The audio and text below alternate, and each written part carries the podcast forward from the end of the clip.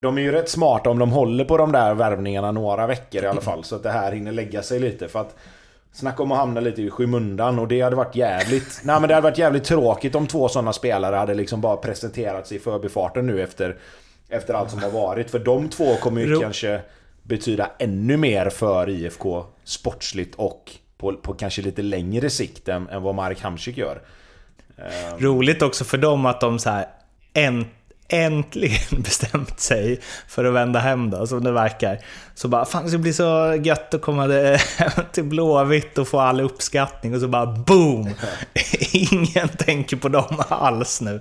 Det är bara så här, just det, vi får in dem sen också. Det kommer, det kommer bli bra. De kan komplettera Hamsik. liksom.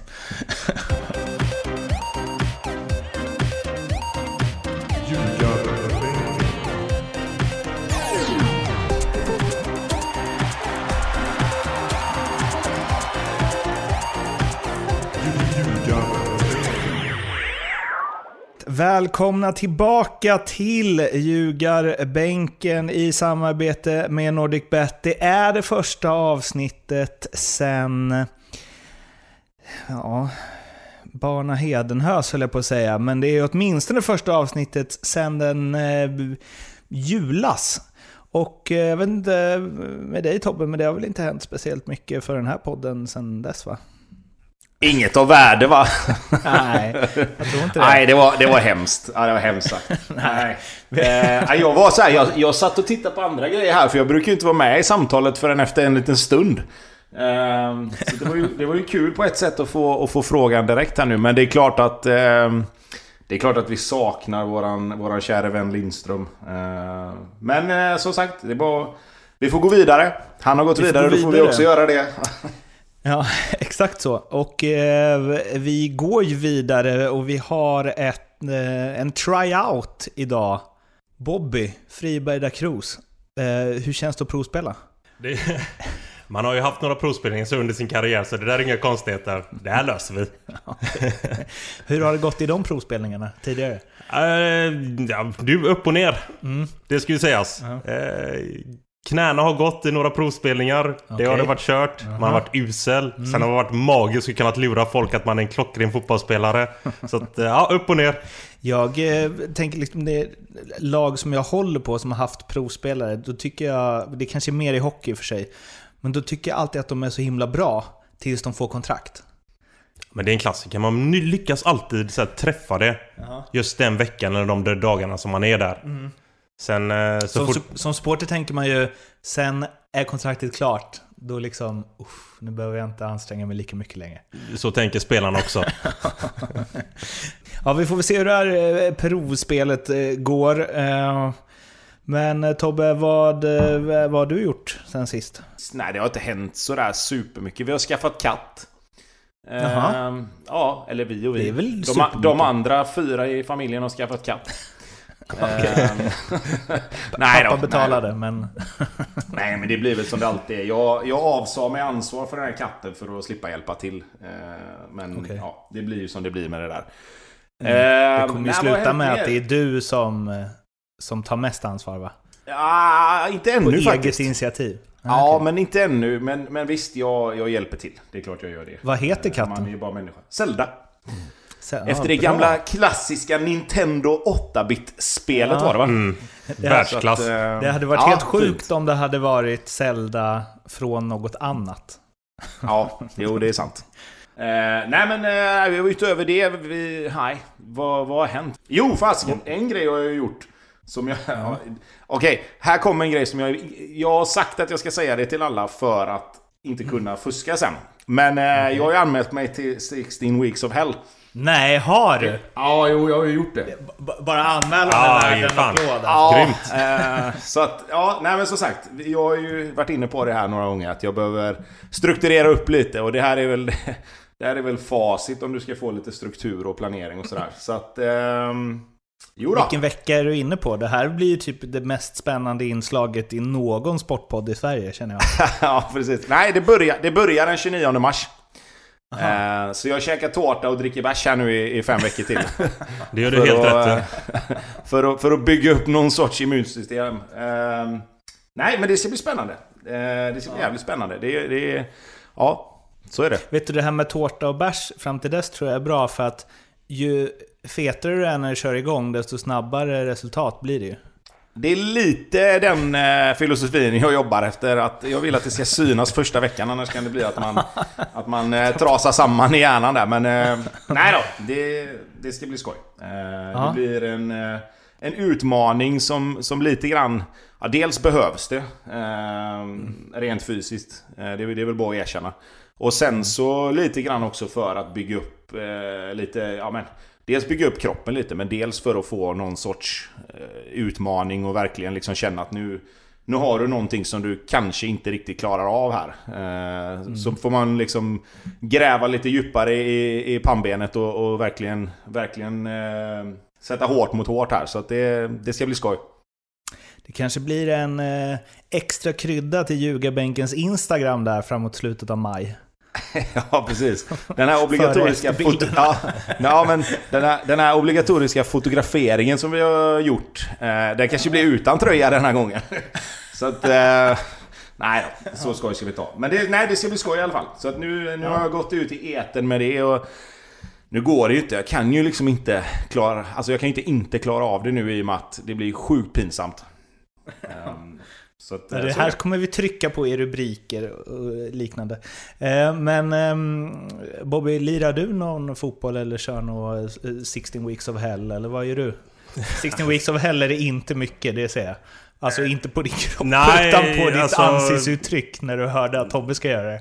Nej, jag är sjukt imponerad alltså, det får jag ändå säga. Men också det här nu Tobbe, man ser, alltså många av de här, det är ju de äldre, äldre gardet som gör det här. Mm. De äldre gubbarna. Alla de löser det. Så nu ska du fan också ta och lösa det. Du kan inte slänga in handduken efter två, tre veckor Tobbe, det går inte. Så det här löser du. Det här är, det här är inga ja, konstigheter. Nej men så, så är det. Nej men så är det absolut. Det är väl lite det som är, är motivationen också. Att eh, ja. de allra flesta som... De allra flesta man ser, nu ser man ju bara de som klarar det kanske men... Men det är klart att, Ja men så är det ju faktiskt. Nu, nu, eh, nej nej, det är, klart att jag ska, det är klart att jag ska lösa det. Det är absolut inga konstigheter. Ja, okay. Men lirar du någon boll eller? Nah, nej, Just nu gör jag faktiskt inte det. Eh, jag lirade ju division 4 här uppe i Stockholm förra året i FC Nacka som satsade för att gå upp. Eh, mm. Vilket vi gjorde. Det var ju inte så jävla kul. När det blev så jävla seriöst. Jag hade ju liksom... Eh, alltså jag kom ju dit i mitt huvud liksom och kom dit och latchade lite boll. Ah. Men det var ju sjukt seriöst. Så att... Var det, ja, man har hört liksom tidigare elitspelare som går ner i divisionerna men, och att det är liksom jobbigt för att dels att eh, folk vet det och kanske så här, trycker till en lite extra och så. Men också för att det är svårt att anpassa sig till någon form av liksom... Eh, ja, man är van vid att det, all, att det är hyperseriöst alltid.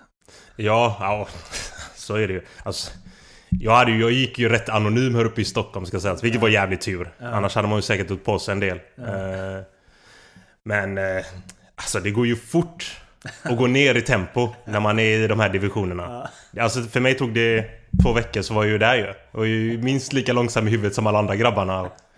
Allt för många touch på bollen och ja, dåliga fötter. Så man blev ju snabbt en division 4-spelare. Det låter som Teddy Lucic. Fast liksom åt fel håll. Ja, herregud vilken fotbollsspelare. Ja, ja precis. Lite så han var det faktiskt. Han sig liksom, ju högre upp han kom, han bara anpassade sig hela tiden. Men du gjorde tvärtom. Ja. Och så nu upp till trean och man bara kände så att Nej, fan det känns oaktuellt alltså. Mm. Matchen nere i Gotland finns ju inte möjlighet att man åker med ner till Gotland. Så att, nej, jag skiter nog i det nu. Ska leta efter någon ny division 4 eller 5-klubb här som inte satsar så jävla hårt, tänkte jag. Bra, kontaktannons. Slänger ut där. ja, eh, precis. Men vad, vad, spelar du back även på den nivån? Eller har du liksom tagit tröja nummer 10? Och... Ja, nej, nej, nej, nej, nej, nej, det är bara mittback. Det är bara mittback. Upp med handen också hela tiden, försöker ställa offside. det blir inte många meter där. Det är som, det var som förr, det är fuska i allt man gör. det är bra. Ja, då har det blivit dags att snacka om Svenska Kuppen. Gruppspelet är över. Vi kommer säkert glida in en del på, eller säkert, vi kommer glida in en del på eh, Silly. Det har ju eh, hänt en del nyförvärv i vissa av lagen i Allsvenskan och vi kommer inte hinna prata om alla. Det har ju spelats otroligt eh, mycket matcher sen vi hördes av sist och det har Eh, lämnat och tillkommit spelare. Men vi ska grotta ner oss i några lag nu, så får ni som eh, bara vill lyssna på det laget ni håller på eh, vänta helt enkelt, om det laget inte är ett av dem. Men vi börjar med att gå igenom Svenska Cupen-resultaten. Grupp 1 slutade med att Västerås tog sig vidare. Guys, Malmö, Halmstad utslagna. Eh, grupp 2, Degerfors, eh, Elfsborg, Falkenberg, Utsikten utslagna. Eh, Häcken gick vidare från grupp 3, Dalkurd, Helsingborg och Gautjod åkte ut. Grupp 4 vann Djurgården, tre raka segrar. Brage, Kalmar och Umeå fick respass. Grupp 5 vann Östersund före Mjällby och Landskrona och Akropolis som har spelat klart alltså. Grupp 6, Norrköping tog sig vidare. Göteborg, Sandviken, Sundsvall borta.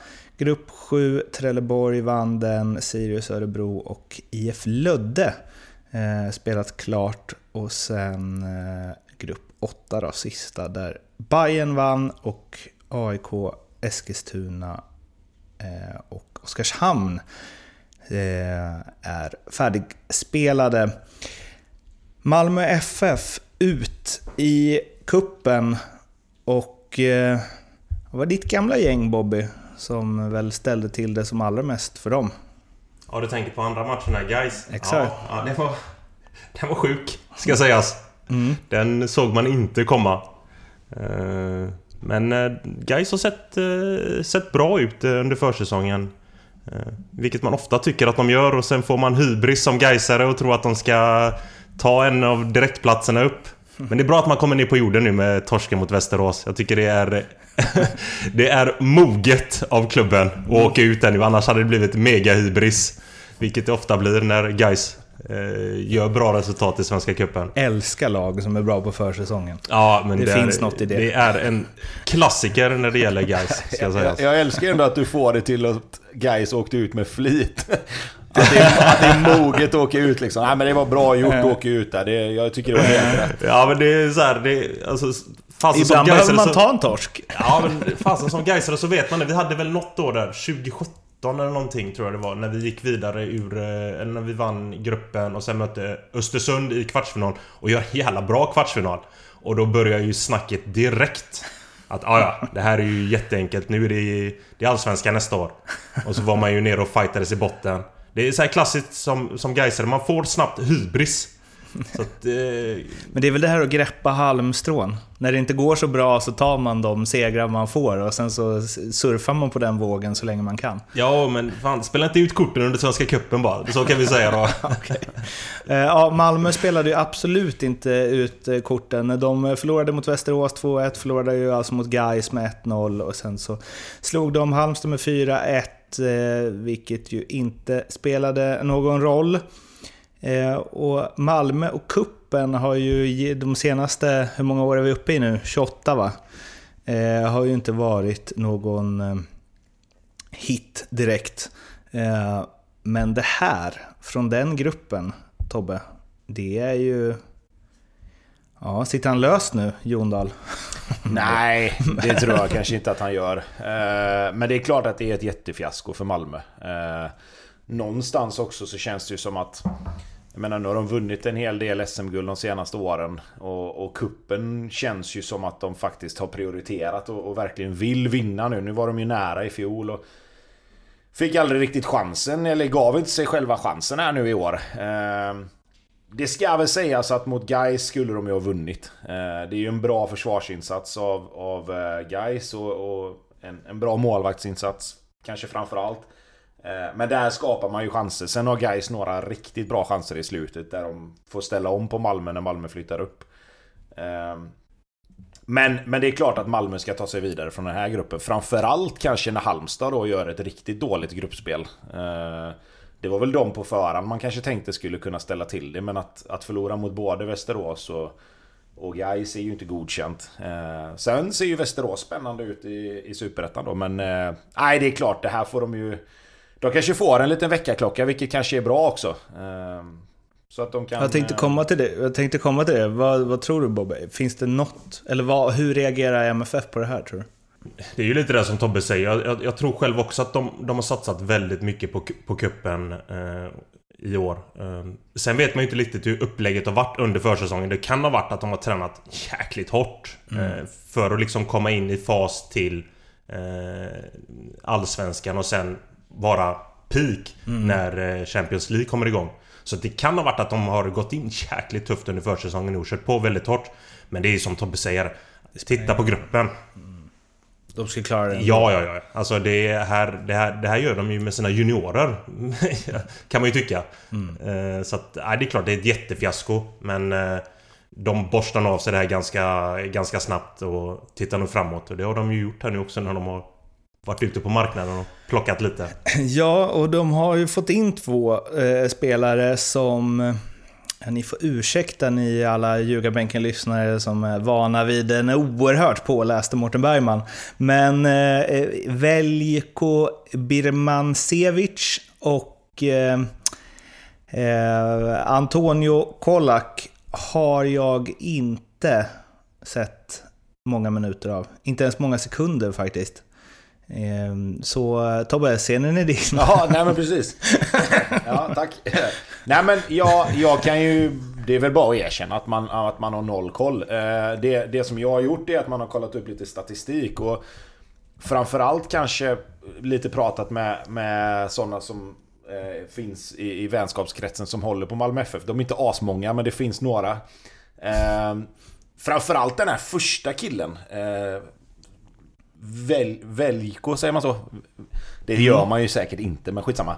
Nej, men vi säger Yttermittfältaren där i alla fall. Han har ju jäkligt bra stats för att vara yttermittfältare och spelar ju i en, en liga och i ett lag som är ganska underskattat skulle jag säga. Eh, nu tänker inte jag uttala det lagets namn heller, men... Eh, han, alltså det, det känns som att den spelaren kan bli en ganska obehaglig överraskning för när man tittade på hans stats och lite grann då den här nya grejen att man tittar på hans spider då eller vad man säger. Så har han ju helt galna... Eh, alltså han har ju helt galen statistik en mot en. Offensivt. Eh, han har gjort rätt mycket poäng för att vara ytter. Eh, utmanar sin spelare ganska framgångsrikt ska man ju säga. Han var ju rätt högt över de flesta andra. Så att den spelaren blir jäkligt spännande. Sen forward... Det... Får bara stanna, får bara stanna. Var det inte att han var... Um, han hade utmanat en, alltså dribblat en... eller vad hade han dribblat? Typ tredje mest i Europa?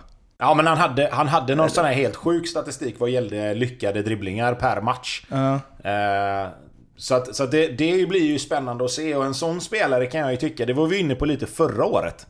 Eh, att Malmö saknade en spelare som, som slår sin gubbe en mm. mot en liksom. Alltså de har ju väldigt mm. många duktiga spelare och de har ju ett fantastiskt passningsspel och Christiansen löser ju mycket genom att hitta luckor och, och, och de, de, kan ju liksom... De springer ju in i luckor och spelar mycket på tredje spelare och sådär. Men just det här...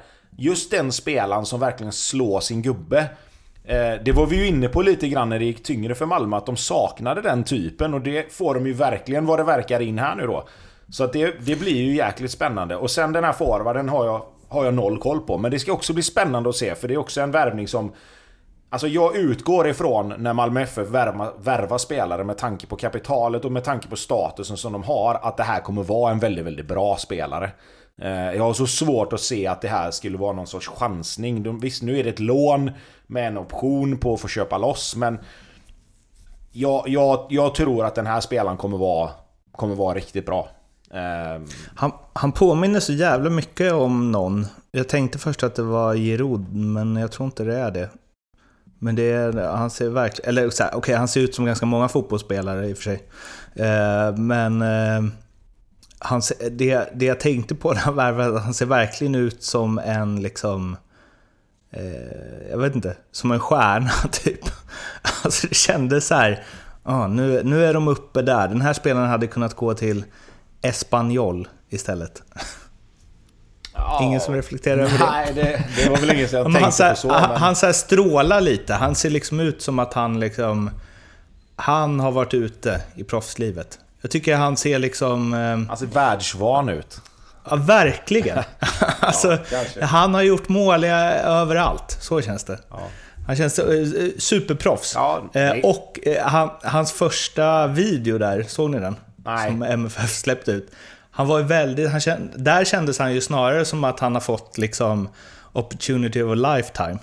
Han satt ju där och bara eh, tindrade med ögonen och såg liksom ut som att bara wow, jag har fått komma till Malmö FF. Ja.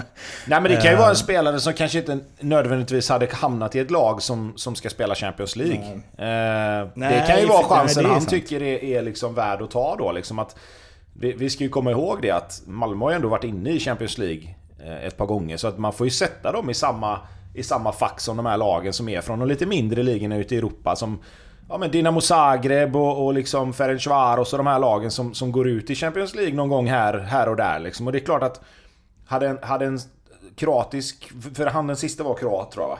Eh, hade, mm. hade en sån spelare hamnat i typ liksom Ferencvaros eller liksom eh, de här Ludogorets eller någonting sånt så hade man inte tänkt så mycket på det egentligen.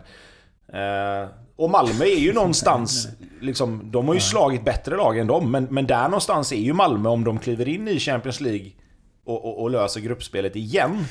Så är, har de ju ändå varit inne en tre, fyra gånger nu de senaste tio åren liksom. Och då, då är det klart att då är, det blir ju väldigt, väldigt attraktivt för, även för spelare i, i den kalibern som de här två kanske är då. Det är en så konstig tanke att här, när andra lag Eh, från andra länder lottas mot Malmö i eh, kval, då är det som när som för oss när svenska lag lottas mot Ludogorets. Typ att man säger ja men de är svår, de har väl varit ganska bra, fast man kan inte en enda spelare i laget. Så måste ju det vara för liksom utländska journalister och utländska fans, tänker jag. Att de bara Malmö, spelade inte han Rosenberg där någon gång? Jo, men, men, men, kan, men, sen, alltså. men sen också så ska vi komma ihåg att när man väl tittar upp det där och scoutar vidare lite sen så märker man att fan, de har ändå varit inne. De har ja, slått exakt. ut, de har slått ut ja. Red Bull Salzburg, de har slått ut Olympiakos, de har liksom... Alltså de, de, har, de har ju någonstans ändå gjort resultat som bara, ha okej, okay, det här kanske inte är så lätt som vi tror. Och, och, så är det ju rätt ofta även när svenska lag ska spela mot lag som kanske kommer från ligor som man tänker såhär, ah, vad är det för liga? Liksom? Och så har de alltid tre brassar. Ja, och det var exakt så det var när till exempel vi mötte eh, Karabag där med, med Blåvitt liksom. men de kom från Azerbajdzjan. Ja visst, men jo. Men de har ju fortfarande spelat i Europa League och Champions League. Så det är ju inget mm. dussingäng som, som vi ska åka och möta liksom. Vilket man blir mm. ganska brutalt påmind om när man kommer ut på plan sen. Eh, men eh, båda de här spelarna, Bobby, det är ju spelare som eh, man inte har koll på sen innan. Eller jag vet inte, du kan har, men vi har inte i alla fall, jag och Tobbe. Och eh, det känns... Alltså om det hade varit... Ja, Örebro får ta den här. Om det hade varit Örebro som hade presenterat de här, då hade man känt lite såhär, ja, vad är det här för något? Varför går de till Örebro? Liksom någon spelare från serbiska ligan, någon som har varit bänkad i Grekland och så vidare. Men när Malmö FF värvar dem, och liksom betalar en miljon euro för den här serben till exempel. Då känns det som att de gör inte det om de inte har helkoll på det här. Nej, och eh, Daniel har väl jäkla bra eh, liksom så scoutinggrad där ute i Europa och mm. har väl ett bra team som jobbar eh, för honom. Så att de här spelarna har de jäkla bra koll på. Mm. Jag, jag vore sjukt förvånad om de inte har liksom scoutat dem en längre tid. Mm. Jag är lite inne där på precis det som eh, Tobbe säger om han är serben. Mm. Jag tror att det kommer bli en sån jäkla attraktion för den svenska publiken. Mm. Med de här statsen som han har visat upp eh, mm. i, i serbiska ligan. Serbiska ligan är en bra liga. Mm. De har liksom... Visst, det är de här två topplagen, Partisan och Röda Stjärnan. Mm. Sen är det väl ett ganska stort klapp. Men många av de här eh, klubbarna de spelar i Euroleague. Några av dem kommer till Euroleague eh, under åren. Så att det är en bra liga. Mm. det här känns som en sjukt intressant fotbollsspelare och Malmö hoppas jag och tror har haft en bra liksom, koll på honom. Mm. Och känner väl själva att det här är just den spelaren de behöver. För de behöver en spelare som bryter mönster. Mm. När AC är borta så, så känns Malmö väldigt statiska i sitt spel. Då mm. behöver man spelare som bryter mönster. Och det här känns ju som det kommer vara en lirare som kommer göra det. Det är ju kul. Det, blir, det är ju något som kittlar också. 22-årig kantspelare från eh, Serbien. Man blir liksom... Alltså att han bara ska vara så här, meh, det finns ju inte. Antingen så kommer han ju liksom charma allt och alla, eller så skeppas han innan sommaren. Känns det som. där, där jag tror mer på det första alternativet. Ja, och det får man ju hoppas på. Det, vi behöver ju artister i Allsvenskan. Det är alltid kul när eh, sköna lirare kommer och visar upp sig. Och det här känns ju som en, som en spelare som, som är utav den kalibern. Ja, det ska bli grymt intressant att följa både han och den här eh, forwarden. Forwarden är som du säger där, det, det, det glimrar om honom. Mm. Och det känns ju som eh, status. Det känns som någon som kan liksom gå upp och sätta en armbåge i magen på motståndarbacken i ett Champions League-kval när domaren inte ser, bara för att markera. Alltså... Ja, och då har de en två, tre stycken sådana spelare i, i, laget sen tidigare. Så att det här, ja, det, Ja, de kommer nog bli rätt eh, grisiga att möta Malmö FF tror jag. När man läser vad det är för spelartyp också, när Daniel Andersson pratar om dem, säger han att det är en allsidig forward och en bra bollmottagare med ett starkt huvudspel. Det är ju inte helt eh, olikt eh, Kiese om man ser på hur Malmö tänkt tidigare när de ska ut i Europa. Nej, men det är väl den här banan de, eh, de är inne på. Det är ju likadant med, med Rosenberg. Det är ju samma typ av spelare. Mm. En jäkligt bra target player som är vass i boxen. Mm. En av de mest intressanta matcherna i eh, sista omgången av kuppen var ju kamrat kamratmötet Norrköping mot Göteborg. Det slutade 1-1. Det finns en hel del att prata om i eh, båda de här lagen och vi kommer dit. Men om vi börjar med matchen då. Där Göteborg tog ledningen innan Sead Haksabanovic fick en okej okay träff. Ehm, och sen så var det väl... Ja, Göteborg var ju tvungna att vinna den här. Eh, och det var ju någon blandning kändes det som. Eh, nu har jag med mig liksom hur det lät efter matchen från tränaren också, men det var någon blandning mellan att Norrköping hade kontroll samtidigt som de sumpade lägen att avgöra, eh, vilket gjorde att det blev lite spännande ändå. Är det en OK-analys, Tobbe? Eh, ja, alltså det är ju det här att när, man, när det bara är, alltså när det är 1-1 så, så, är det ju egentligen bara det är en snedträff ifrån att Norrköping åker ut liksom egentligen. Eh, mm. och, och, det är klart att tycker man att man har kontroll då så det, det, kan ju vara att man upplever på plan att de, de skapar ingenting och de, de har liksom ingen direkt forcering, vilket Blåvitt egentligen inte hade eh, heller. Men samtidigt kan man ju säga att Blåvitt har ju två jättelägen när det står 1-0 till Blåvitt. Dels så har Pontus Wernbloom en nick som går precis utanför och dels så gör Oskar Jansson en helt fantastisk räddning på en, på en klackskarv från, från Wernbloom också då. Eh, och ja, två, den och, räddningen Ja, alltså. det, är, det är kandidat till årets räddning redan alltså. Men, men där har ju du liksom... Där har du 2-0 där så, så är ju matchen en helt annan. Eh, 1-0 så är det alltid bara ett mål och då, då krävs det en individuell prestation lik den som Aksabanovic gör då liksom. Eh, sen tycker inte jag att Blåvitt eh, sätter Norrköping på några större prov i andra halvlek. Det är ganska mycket spel eh, runt straffområdena, inte lika mycket inne i dem. Eh, Norrköping har absolut chanser att kunna avgöra, vilket ett 2-1 mål då hade ju avgjort gruppen. Eh, inte matchen som sådan, men gruppen hade den ju avgjort definitivt om de hade fått in ett mål till.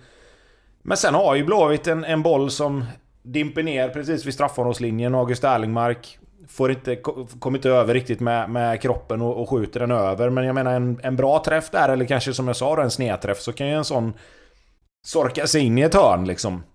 Och då spelar det ingen roll hur mycket kontroll Norrköping har haft. Eh, utan, utan då är de utslagna. Så att jag tycker väl att Norrköping skulle kunnat gå för det lite mer i sina omställningar. De har ett skott i, i kryssribban eh, från, från eh, Abdul Razak där, men mycket mer än så är det väl egentligen inte som Norrköping skapar heller, tycker jag inte. Eh, om inte jag glömmer av någon chans här nu. Det måste jag säga också. Alltså, nu, han hyllas ju från alla eh, håll och kanter och nu blir det som att jag ska så här, sätta mig på tvären och tycka något annat. Men eh, Aksabanovic, Alltså ibland kan jag tycka att så här, eh, när han får bollen och tempoväxlar, det ser ju eh, spektakulärt ut och liksom det är inte många, om ens någon spelare i Allsvenskan som har den eh, grejen som han har där. Men ibland kan jag tycka också att det liksom inte riktigt händer något. Eh, men sen så har han det här att helt plötsligt så bara skickar han upp en boll i krysset. Och det känns som att det är lite så här, ja men det händer varannan match. Alltså han har så otrolig spets. Eh, som han dock slarvar bort lite. Ibland. Men han har så mycket av den så att det blir alltid något. Liksom. Förstår du vad jag menar? Ja, jag är helt med på vad du menar. Det, han... Så här, säga att han faller ur matcherna ibland, det är väl lite att ta i för att det är ju en spelare som kan ändra en matchbild. Eh, men han har stunder i matcherna när han är helt borta. Det händer ingenting runt omkring honom. Eh, sen har det väl lite med att göra nu. Det är ju Agardius som kommer ta den vänsterkanten där. Då måste han ju hitta en ny kemi som han hade med Gerson som mm. de spelade tillsammans med eh, nu förra året. När den kemin kommer mer och det blir bättre timing på det där så kommer ju den kanten bli ruggig. För Agardius är en, det är en bra fotbollsspelare. Mm. Bra nyförvärv av Norrköping. Det, det kommer med eh, Haksabanovic. Han är väl Alltså jag är ju... I mitt huvud så är han egentligen borta. Jag fattar fortsatt inte vad han gör i Allsvenskan.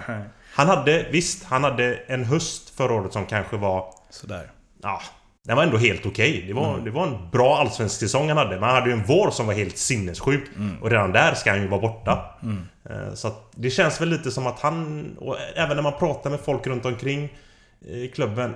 Hans huvud är ju någon annanstans ibland. Och det, jag tycker själv att man ser det ibland i matcherna, att han försvinner ibland. Mm. Eh, och han ser väl sig själv som den överlägset bästa spelaren i Allsvenskan. Om man får ta lite vad grabbarna säger runt omkring. Även om han är jävligt ödmjuk spelare. Mm. Eh, så är ju han någon annanstans just nu. Eh, så att... Förhoppningsvis här nu så får Norling liksom greppar honom. Fötterna på jorden. Gör ditt jobb och sen är du borta. Men det är mm. fokus här och nu. Mm. Eh, så att... Eh, vi kommer nog få se en hel del av honom här nu under våren. Jag tror att eh, det där kommer ju bli outstanding. En sak jag fnurar lite på när jag har sett Norrköping nu är ju att både... Eh, eller det verkar som att han har hittat en fin kemi med eh, Adegbenro. Eh, och sen så har de ju Levi ute till höger. Men sen är ju Totte Nyman som ju vann skytteligan förra året, har ju varit skadad. Eh, och han ska in i det där också. Och sen så är det väl som du säger att Haksabanovic kanske försvinner till sommaren. Men jag vet inte riktigt hur de ska pussla ihop det där. Hur alla ska få plats. Om, ja. om det bara är Adegbenro som helt enkelt får flytta ut på högkanten. Eh, När Totte kommer tillbaka så är han ju en given, given ja. spelare. Mm. Sen hur han eh, möblerar om det andra. Det känns som att Banovic också är jättegiven. Mm. Så det handlar väl om att Levi och... Eh, vad heter han nu? Nu missar jag det här.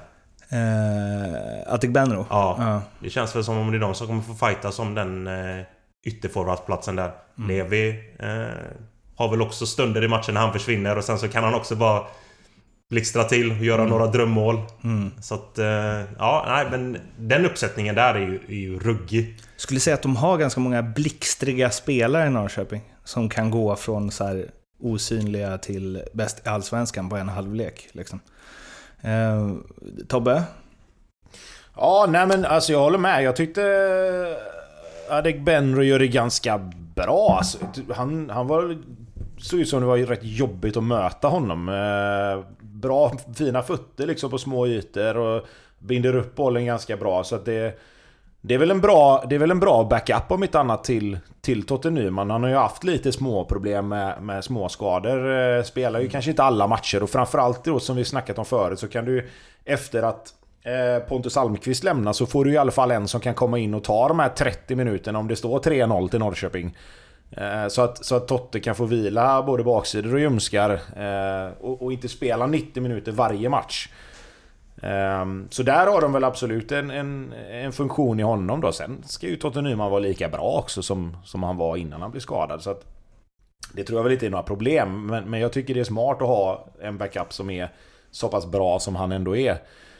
Eh, och sen så tror jag väl att om Haksabanovic skulle skulle eh, vad heter det, försvinna så kan du väl sätta en sån som Adik Benro ute till, till vänster till exempel. Ehm, så att vi får väl se lite. Eh, en sak som jag tänkte på som jag bara vill lyfta lite grann med Norrköping det är att Alltså Isak Bergman Johannesson har vi ju hyllat sönder och samman egentligen. Men jag tycker han hamnar lite för långt ner i den rollen han har nu. Eh, han, han är ju jävligt skicklig på att hitta öppnande passningar och sådär också. Men jag tycker jag hade velat se honom och ha honom ändå lite högre upp i plan. Men är det någonting som ni har tänkt på? Det är en jättebra reflektion för att det känns som att han har tagit över lite av det som eh, Erik Smith har haft. Just den här... Ja men den sittande spelaren som, som ska vara länken mellan eh, försvars... Eh, eller backlinjen och eh, de tre längst fram. Mm. Jag tycker mer att, alltså justera lite på det. Jag tycker Alle Fransson ska vara den där Erik Smith-spelaren. Och upp med eh, Bergman Johannesson för att den där spelaren, det är ju... Det är ju någonting exceptionellt vi har i Allsvenskan. Och de kommer ju få stora stålar för den här liraren. Få upp honom. Se till att grabben får lite poäng. För då är han ju borta och då är han borta till jäkligt stor summa. Men det jag inte riktigt eh, hänger med på det, för, det känns som att de vill att han ska ha mycket boll. Men som Norrköping spelar så är ju liksom den spelaren i hans... Det har ju inte jättemycket boll. Alltså, det går ganska fort ut på kanterna liksom. Och främst mot eh, Haksabanovic. Så jag vet inte varför han har hamnat i... För jag tycker också att Fransson är helt... Sen så kanske det är att båda, att de växlar lite och så, men Fransson är ju helt given i den. Eh, och jag tror också att Norling har lite strul med att så här, Bergman Johannesson, viktig, kan gå mot sitt... Han fick väl ett genombrott i fjol, men han skulle kunna liksom ta det ett snäpp till i år. Eh, stor risk att han försvinner i sommar. Fransson, kontrakt går ut i sommar. Stor risk att han försvinner. Hur mycket ska han bygga kring honom? Vet att Norling älskar Fransson, han har sagt det massa gånger. Eh, Haksabanovic, alltså det blir lite så här, ja, hur vem ska han ge mest ansvar? Vem ska han bygga mest runt? Om spelarna ändå är borta om åtta matcher. Känner man Norling rätt så kommer det ju vara Fransson som han kommer vilja bygga spelet mm. runt. Det är ju... Känns som de kommer göra allt, allt, allt för att han ska ja, stanna det, alltså. Eh, det är nog eh, huvudfokuset här nu. Mm. Det är nog det, alltså det är ju det de ska prioritera allra mest. Det är att ge grabben 3-4 år. De ska ju bara signa upp honom här nu. Mm. Va, men Tobbe, menar du att vill du ha med fram Bergman Johannesson? Ja men alltså jag tycker... Det, det centralt som, offensivt Ja, liksom. eller centralt. Alltså jag tycker det som, det som man såg förra året, vi var inne på det redan förra året också då när han fick spela wingback lite. Att, att han inte riktigt eh, kommer till sin rätt i den positionen liksom. Eh, att han mm. behöver vara lite mer Alltså han, han, ska ha en lite större roll i det offensiva spelet. Sen är det klart att det är svårt för att då, där har du, där har du Sead som, som någonstans ska styra och han ska ju någonstans vara den som, som transporterar boll och som, som kanske avslutar och som slår de här lite avgör, mer avgörande passningarna. Men då tycker jag att då får man hitta en roll för, för Bergman Johannesson som gör att han får vara med och leka där också. För som det blev nu mot Blåvitt tycker jag Framförallt mot ett lag då som, som kanske backar hem lite mer. Han, han hade väldigt, väldigt mycket spelare framför sig hela tiden. Eh, vilket gör att visst, du får ut jättemycket av hans fina passningsspel. Men mycket av passningsspelet blir boll... Alltså det blir mer... Han blir vändningsspelare liksom. Eh, och, och vändningsspelare, där, där kan du ha Fransson och där kan du ha en spelare som kanske är... Alltså... Missförstå mig rätt, men som inte har samma offensiva kvaliteter som Bergman Johannesson. Han vill man ju ha in mellan linjerna och kunna vara där med sina fina skarvningar, bra första touch, släppa vidare. Ja men precis, alltså du vill... Du vill ju utmana honom lite mer än att bara vara vändningsspelare tycker jag. Eh, och det kanske blev så i just den här matchen. Eh, nu har inte jag sett de andra två matcherna som Norrköping har spelat hela tiden. Men, men för mig just reflektionen från den här matchen blir att det, alltså han får, hans roll blir lite för enkel. Det blir lite för simpelt för honom att, att bara ligga och, och fördela bollar liksom. Alltså han, han ska vara inblandad mycket mer tycker jag. Men som sagt, det var bara en match. Det kan hända att, att det har sett annorlunda ut i de andra matcherna. Ja, men det har, det har faktiskt varit i de andra matcherna också. Norling är ju väldigt rak i sitt spel. Han vill ju liksom sätta sina forwards i mm. spel ganska tidigt. Mm. Så att det är väldigt rakt. Alltså med, med Jensa så var det lite mer... Det var lite mer Rull. possession. Det var lite mer... Alltså alla skulle vara med och leka. Mm. Både off och def. Mm. Eh, så att eh, Norling är lite, lite rakare i sitt spel. Vilket gör att...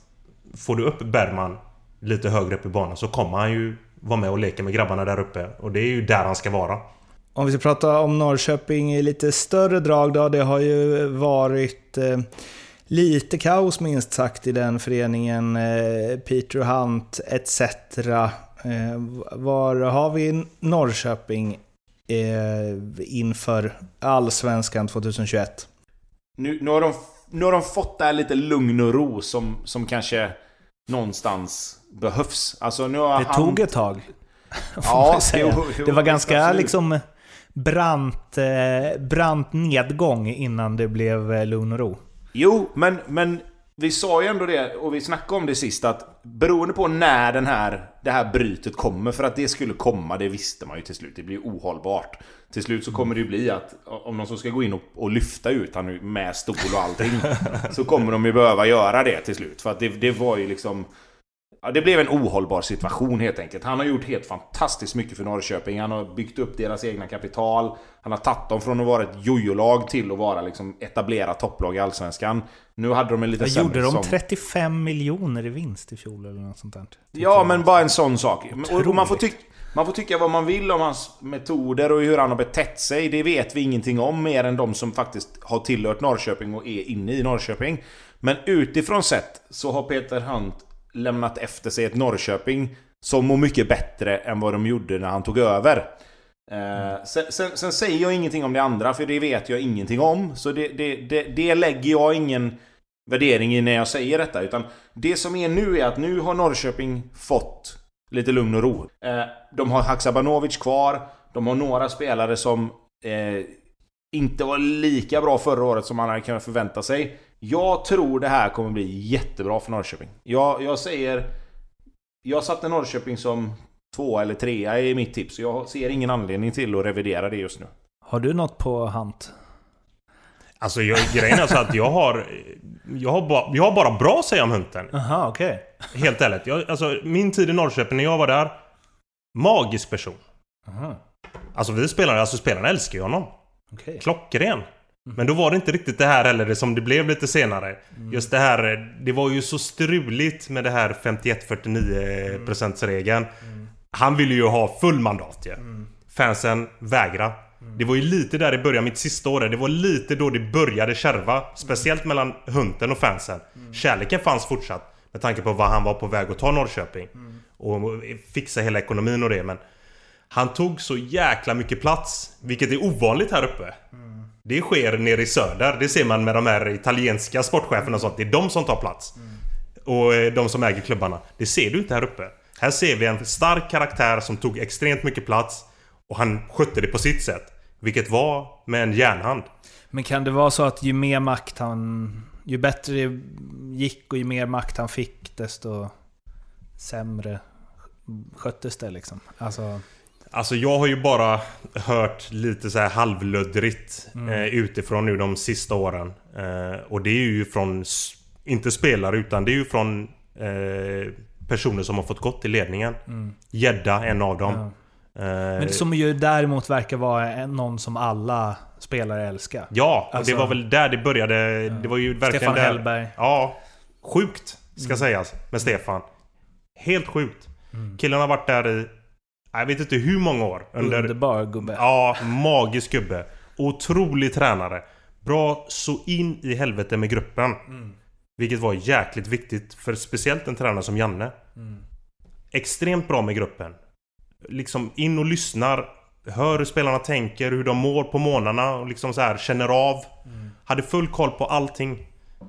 Och nu bara kasta honom. För mig är det helt obegripligt. Det är ju den första du ska hämta tillbaka nu ju. Mm. Med den nya ordföranden. Mm. Det kommer se fult ut. Mm. Med tanke på att Hunten har kastat honom. Hämta tillbaka men, Stefan Hellberg. Men var det Stefan... Fick han sparken eller valde han att gå ah, självmant? Den han är, att gå? Ja, men den är också jävligt... Eh, alltså det, det är en balansgång där för att han var nog på väg att få sparken ändå. Ja. Enligt de okay. ryktena jag har fått höra. Ah, men okay, nu är han borta Hunten. Alltså den nya ordföranden, det är det första han ska göra nu. Det är att ringa Stefan Hellberg och så ska han ringa Hansson, Micke Hansson. Mm. Gädda. Mm. Det är bara att hämta de två direkt. Det var de två som var bäst för gruppen. När, när gruppen mår bra, det är på grund av de här två gubbarna. Och då är Norrköping extremt jävla bra som lag också. Får man väl hoppas att den prestigelösheten finns hos dem då, att de vill tillbaka Eh, trots att, de, att det slutade på det sättet det gjorde liksom. Ja, det, Men det verkar ju vara som att det bara var på grund av han. Ja, men det var ju, det, var ju, det, är ju, det är ju där hela diskussionen har varit nu. Det är det man har... Alltså, så här, när du har pratat IFK Norrköping Mm. Du har ju inte pratat liksom prestationerna på planen utan det, Hunten har varit en stor del till det man har pratat om nu. Han har tagit så jäkla mycket plats. Mm. Och spelare har lämnat också ju. På grund av alltså, honom. Tern, Vilket, ja. Sen är väl Tern och Norling inte bästa kompisar kanske, men eh, han kanske hade lämnat ändå. Men just det, det jag ser lite i det här, alltså på ett sätt så var det Laul som skrev det Eh, när Norling rekryterades att eh, det kan bli SM-guld första året och inbördeskrig andra. För att eh, förr eller senare smäller det mellan två personer som Hunt och Norling. Eh, I alla fall om man ska se liksom historiskt sett så har ju Norling eh, varit, varit mästare på att bråka med överordnad som eh, också inte liksom kan vika sig. Så det slipper man ju i det här. Men frågan är hur mycket plats Norling får nu. Men alltså... är, han, är han tränare eller är han general manager i Norrköping? För de ja. älskar ju det här med general manager nu. De han skulle kickar... ju vara tränare, ja. men de har ju inte tagit in någon sportchef. Nej, då tar han ju den rollen. Så då kan jag ju inte bråka med någon... Med någon... det är sant. finns, det, det finns ingen inte. att bråka nej, med där. Och då, är, det är ju inte så som man skulle ta tjafset med Hunten heller. För det, för det gör man inte i Norrköping bara. Så att... Eh, hade han tagit... Ja, jag tror att han tar en general manager-roll. Ja. Det är väl oftast det som Norrköping går. Så att... Mm. Eh, han kan ju bara börja tjafsa med sig själv då om allt går åt helvete. Och då är, är det vilket i och för sig är en väldigt Rickard Norlings grej att göra kanske. Om man tittar på hans uttalanden. Och, ja, alltså han skulle väl kunna stå och hålla en monolog med sig själv. Om man känner honom rätt. ja, faktiskt. Men uh, är det bra att Norling får mycket makt i Norrköping? Är det bra om han blir liksom general manager? Det känns... För mig känns det som att så här, ska han göra det, ska han göra det på sitt sätt. Och sen kan det bli både guld och en sjunde plats.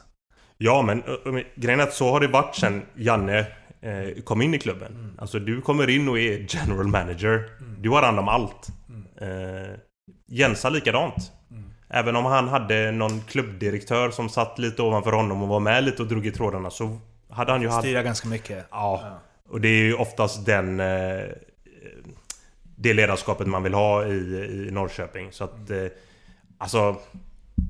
Jag gillar ju Jensa. Jag tyckte Jensa var en, alltså en Bra tränare. Mm. God människa, bra för laget. Mm. Nordling. Eh, ja, han vill ju spela sitt sätt.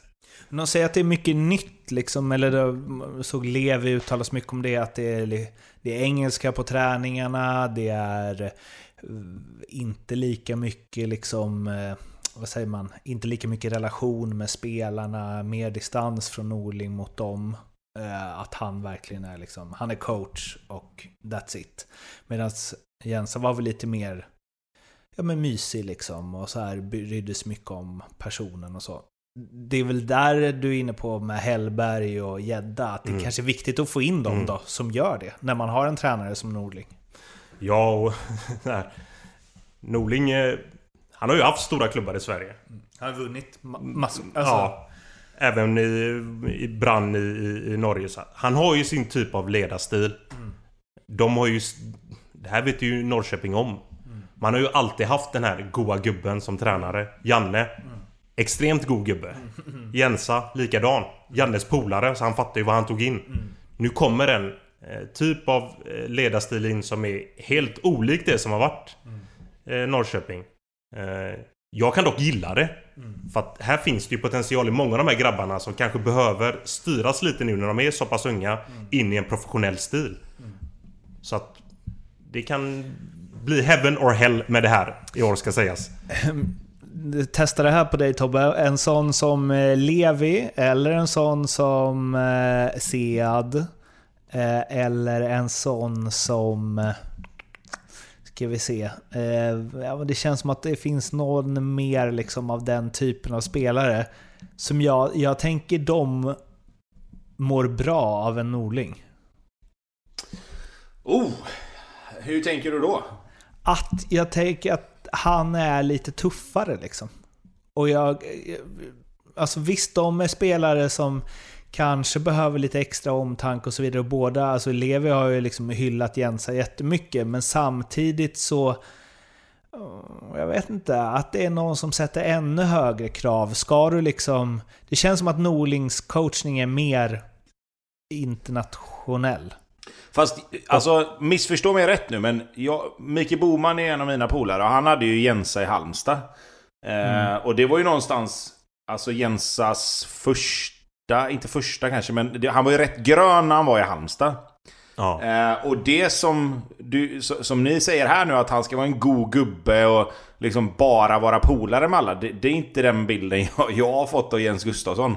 Eh, att han är en bra person och, och allt sånt där, det tror jag absolut. Men att han, att han inte skulle ställa krav eller kunna ryta ifrån eller liksom... Fan, jag har ju bara sett när han står vid sidlinjen. Det känns oväntat att han inte skulle kunna brinna på vissa spelare om de inte gör det de ska.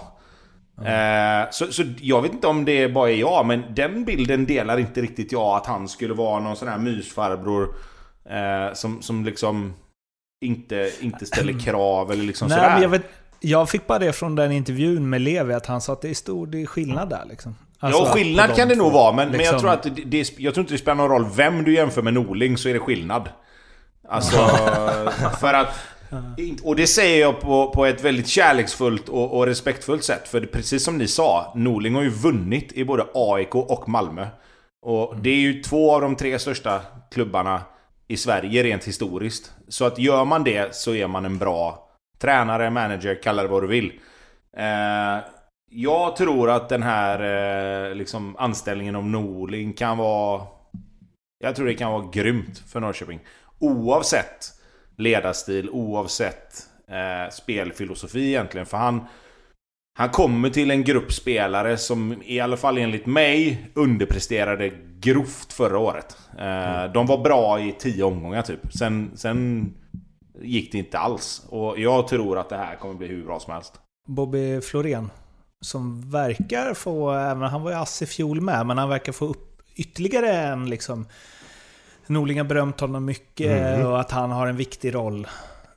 Och då är det väl han som bröstar den här rollen då med att gå in i omklädningsrummet och vara bra med gruppen. Vilket, han, han, känns som någon som är jävligt god, men som verkligen kan ställa krav också. Ja, herregud vilken... Fan vad grinig han var alltså.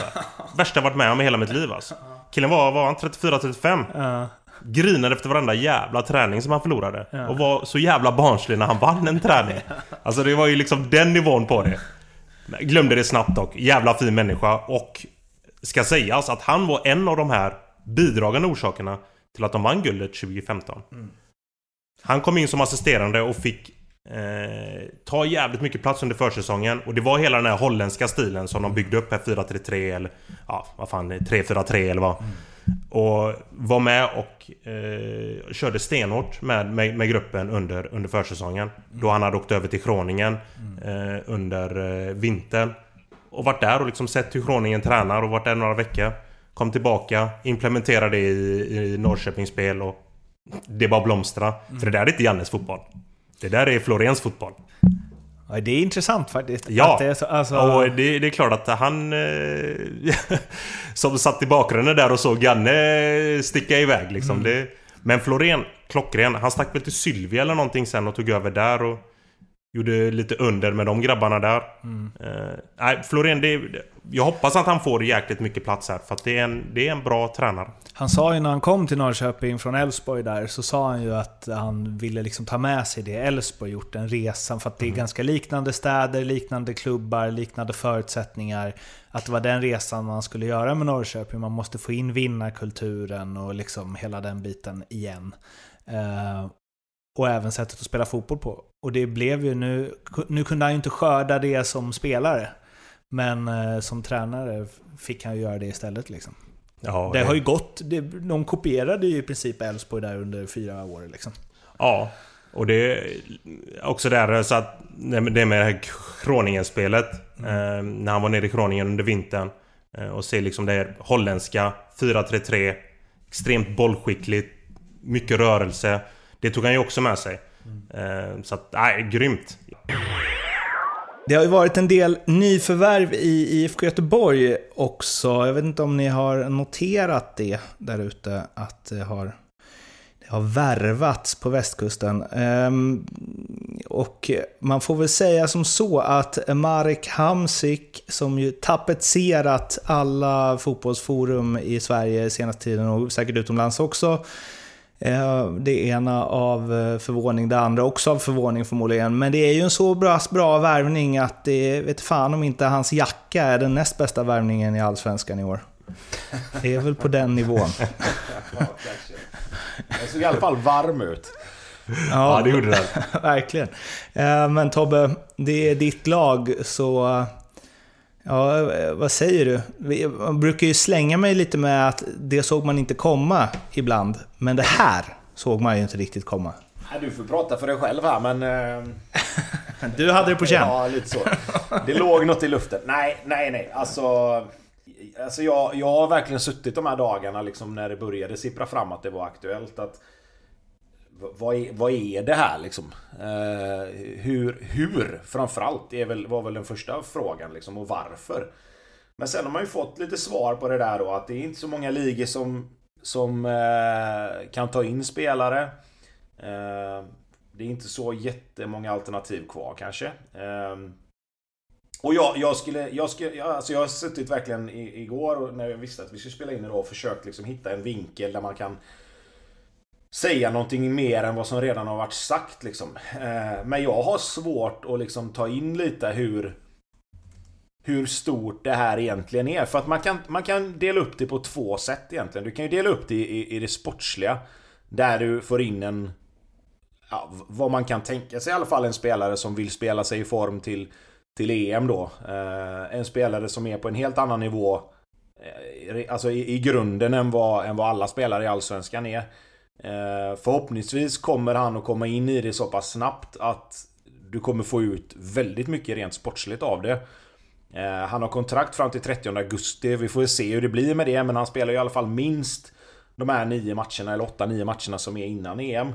Och, och, där någonstans räcker det väl egentligen med det sportsliga. Jag tror inte att det sportsliga egentligen behöver diskuteras mycket mer. Men, men det är ju, det är ju allt, allt det andra egentligen som är, om man säger, hela grejen här. För att det är väl ingenting att, att hymla om att, att Blåvitt har haft jobbiga år liksom. Eh, det var en vår där 2019 som som de flög lite grann under poja där. Eh, när Benjamin Nygren och, och Paka och eh, Sebastian Olsson och Starfelt alla hittade formen samtidigt. Vibe kom hem och gjorde mål direkt. Och den, den, den våren där var ju, var ju fantastisk. Men utöver det så har det ju varit tufft alltså. Det har ju varit jävligt tufft att, att hålla på IFK Göteborg de senaste åren. Det är väl, bara, det är väl egentligen bara att konstatera. Eh, och att det då dyker upp en sån här grej som får hela Sverige att prata om det. Eh, som får halva Europa att liksom höja på ögonbrynen och tänka vad fan är det som händer? Eh, och, och, att få in en spelare av den här kalibern Eh, med det här namnet och med den statusen, det gör ju att känslorna som är nu hos IFK Göteborg-fans är ju liksom vad, vad fan är det som händer? Alltså på ett väldigt, väldigt positivt sätt.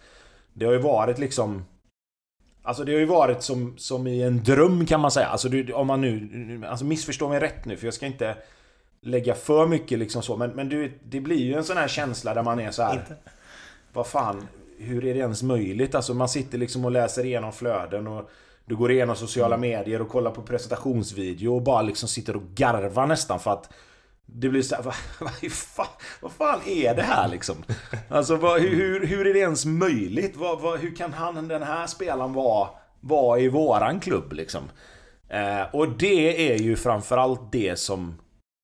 Det är den känslan som är så skön att ha Sen hur det blir och vad facit blir sen, det, det, kan man ju skita i just nu egentligen. För att just nu så är bara känslan så jävulst bra. Och den känslan av att alla i Blåvitt supporterled och alla kring klubben och alla liksom verkligen som har någonting förknippat med IFK Göteborg. Att ha den känslan nu med tanke på hur det har varit under en ganska lång tid. Det är ju den, det är den grejen som blir så stor. Um, för, för att liksom förklara lite hur, hur känslorna har varit bara. Mm. Men... Eh, alltså... Eller stick emellan. Vad vill säga? men, så här, låt mig bara få fylla på. Alltså, som göteborgare som jag är och Gaisar i grund och botten. Jag får fan gåshud för, den här, för det här nyförvärvet. Alltså jag älskar den och jag är... Fan, jag blir glad så in i helvete att han hamnar i Göteborg. Jag vet att det kommer vara en stad som han kommer trivas i sjukt bra. Eh, IFK Göteborg. Det är liksom... Det, alla vet ju om det. Det är ju liksom... Eller alla, men vi i Sverige vet ju om det i alla fall. Och förhoppningsvis så kommer han ju få en liten... Har han tagit en liten research på det. Det är ju en stor klubb i Sverige.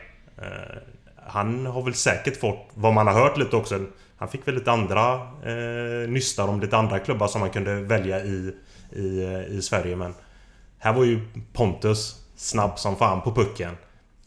Älskar det. Det, det här är eh, Det här är nog det största vi har, vi, har, vi har fått in i Sverige. Folk pratar om Jari Littmannen. Visst, man kan dra den dragningen där men Det här är en grabb som ska spela sig in i form för EM. Jari kom Lite halvskadad till Malmö. Visst, en fantastisk fotbollslirare. Men för mig är det här någonting helt annat. Det är en helt annan nivå på det. En helt annan fotbollsspelare. Han kommer... Och det är oavsett vad han kommer göra ute på planen så kommer det här vara... Eh, helt, helt outstanding för, för IFK Göteborg som klubb. För att eh, Littmannen, det blir lite, det blir lätt, har jag sett nu, att folk Eh, går in på att han har, ja, han spelade i Lahti och det var Hansa Rostock däremellan och han var liksom inte den spelaren han tidigare varit och si och så. Och absolut, han eh, ägnade ju en del av tiden till att eh, försöka undvika diverse kapsyler och så vidare. Men, eh, och här, den här matchen bara växt och växt. Det låter som att han har gjort den bästa matchen genom tiderna. Man hade ju någon match på stadion där mot Djurgården när han typ bara stod stilla hela matchen. Och eh, spel, han låg väl bakom liksom fem frilägen genom bara små vrickningar. Så han, han var ju fortfarande klass när det gick. Sen så han gjorde väl fler matcher för finska landslaget än för Malmö under den där tiden. Men... Jag var med och spelade ah. den matchen tror jag. Jaha, du var det? Ja, han satte en helt galen frispark också. Okay. nej, nej, alltså Jari Littmanen var en fantastisk spelare även i Malmö. Det såg man liksom. Och det är det jag menar att mm. man, man vet ju aldrig hur det blir. Med, med, med Jari Littmanen hade det kunnat vara så att han hade kunnat vara så bra varje match. Och, och det, mm. det, är mm. liksom... Det är klart att Jari Littmanen var på en nivå, han spelade i Liverpool, han spelade i Barcelona. Det är klart att han var på en nivå som absolut motsvarar den som Marek Hamsik har varit på. Men mm det var som du sa, Jari Littmanen kom, kom hem lite, eller han gick till Allsvenskan och Malmö lite grann kändes det som för att mer hålla igång sin karriär något år till och kunna hålla sig inne i finska landslaget lite. Jag vet, det var ju rätt mycket tjafs om det där när han stack till landslaget varje gång för att han inte spelade matcher i Malmö. Mm. Eh, och, och, därför så är jag så här, det sportsliga får vi ju se hur det blir. Och, och det kan visa sig bli en riktig kanonvärvning rent sportsligt. Det kan visa sig att han ah, det blev okej okay, liksom. Eh, jag, jag har ju svårt att se att det ska bli en flopp om inte han blir skadad. Eh, mm. men, men, men det jag men... menar är att det är så mycket större än bara det sportsliga för IFK ah, i den situationen de är nu. Att få in en sån här spelare. Alltså det, det liksom... Du, du får ju men det en är hype ju också... som inte finns liksom. Ja, men det är ju också större än Littmanen. Alltså i att eh, det har gått några år sedan Littmanen var i Sverige och hur fotbollsvärlden ser ut idag jämfört med då, så är det ju ännu mer osannolikt att en spelare som Hamsik ska hamna i Allsvenskan med alla alternativ. Eh, det hade varit större chans slash risk att han hade hamnat i Indien. Liksom. Alltså, krast så är det ju så. För att det finns ju, han är ju absolut inte här för pengarna. Eh, men Marek Hamsik är ju inte ensam eh, på den eh, blåvita himlen, även om det kan verka så. Men Marcus Berg, Oskar Wendt kommer i sommar. Och bra lag kan de sätta ihop. IFK Göteborg. ja, absolut eh, nej men det är klart att... Men, men jag menar Oskar och Mackan, eh, där är det ju liksom... Det är ju för, för Blåvitt sett så är det ju... De, de, är ju rätt smarta här nu om de håller på de där Nu, nu har det ju kommit fram, det är inte bekräftat av Blåvitt ännu. Eh, men de är ju rätt smarta om de håller på de där värvningarna några veckor i alla fall. Så att det här hinner lägga sig lite. För att Snacka om att hamna lite i skymundan och det hade varit jävligt... Nej men det hade varit jävligt tråkigt om två sådana spelare hade liksom bara presenterat sig i förbifarten nu efter... Efter allt som har varit. För de två kommer ju kanske betyda ännu mer för IFK sportsligt och på, på kanske lite längre sikt än, än vad Marek Hamsik gör. Roligt också för dem att de så här äntligen bestämt sig för att vända hem då, som det verkar. Så bara, fan det blir så gött att komma till Blåvitt och få all uppskattning och så bara boom! Ingen tänker på dem alls nu.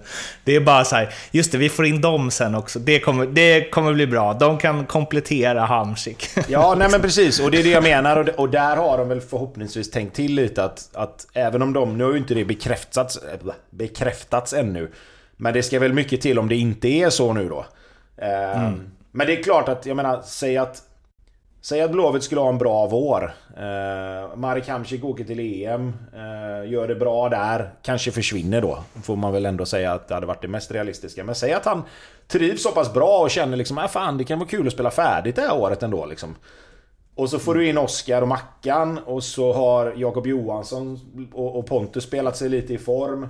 Eh, du har ju spelare som Sana, Tern, Robin, eh, Alassane Yusuf. Du vet, det finns ju, det finns ju en startelva eh, att ställa på plan efter EM om, om Blåvitt är med i, i någonstans i, i racet där. Men det, det ska... Det är mycket om och men också. Det ska ju sägas liksom.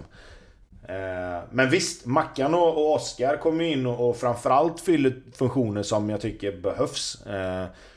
Det behövs ju eh, en anfallare till som du vet kan spela liksom. Eh, nu gjorde ju Sigthorsson eh, en kvart, 20 minuter senast. Eh, såg väl helt okej okay ut för den första matchen på väldigt, väldigt länge. Eh, mm. Men framförallt, alltså vänster, vänsterkanten på, i försvaret är ju... Där får de ju verkligen in en spelare som de behöver liksom. Um... Jag måste säga, alltså jag tror inte att det är... Nu kanske man har ryckts med i det här att det var möjligt att Marek Hamsik hamnade i, i Blåvitt. Men jag tror inte alls att det är omöjligt att han stannar hela säsongen om de är med i racet efter...